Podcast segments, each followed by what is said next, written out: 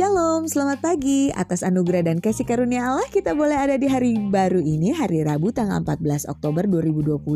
Bersama saya, Pastor Lydia Jovari Palit, tentunya di dalam podcast Renungan Firman Tuhan setiap hari. Saudara, Renungan Firman Tuhan pada pagi hari ini saya beri judul Satu Jam Saja Tak Sanggup.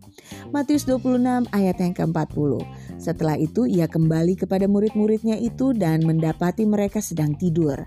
Dan ia berkata kepada Petrus, Tidakkah kamu sanggup berjaga-jaga satu jam dengan aku? Saudara, hal berdoa sering kali dianggap remeh dan sepele oleh kebanyakan orang Kristen. Ya, mereka berkata, ah berdoa itu kan mudah dan bisa dilakukan di mana pun. Namun pada prakteknya ternyata berdoa tak mudah untuk dilakukan.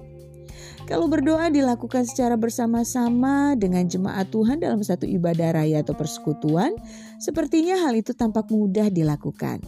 Namun kalau berdoa secara pribadi atau bersaat teduh, hmm, belum tentu semua orang mau dan dapat melakukannya dengan setia.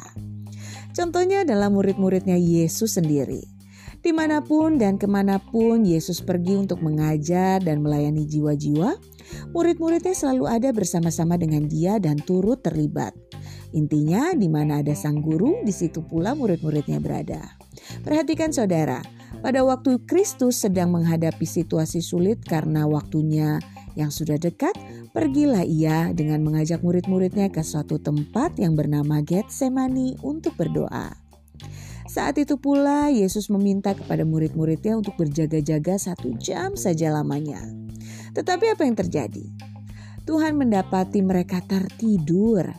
Ternyata murid-murid tidak sanggup untuk berjaga-jaga sekalipun itu hanya satu jam lamanya.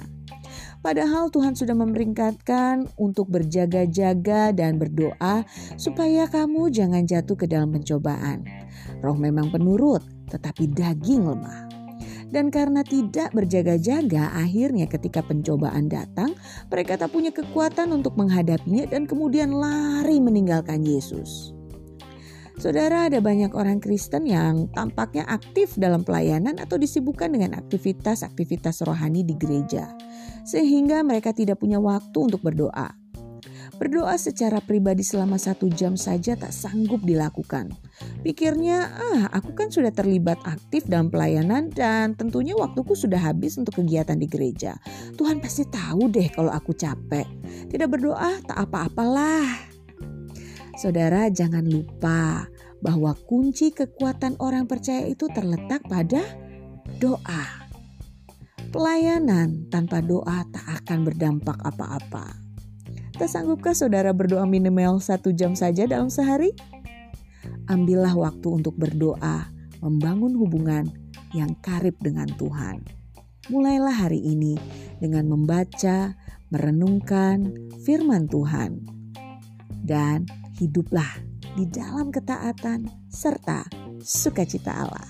Selamat pagi, selamat beraktivitas. Tuhan Yesus memberkati.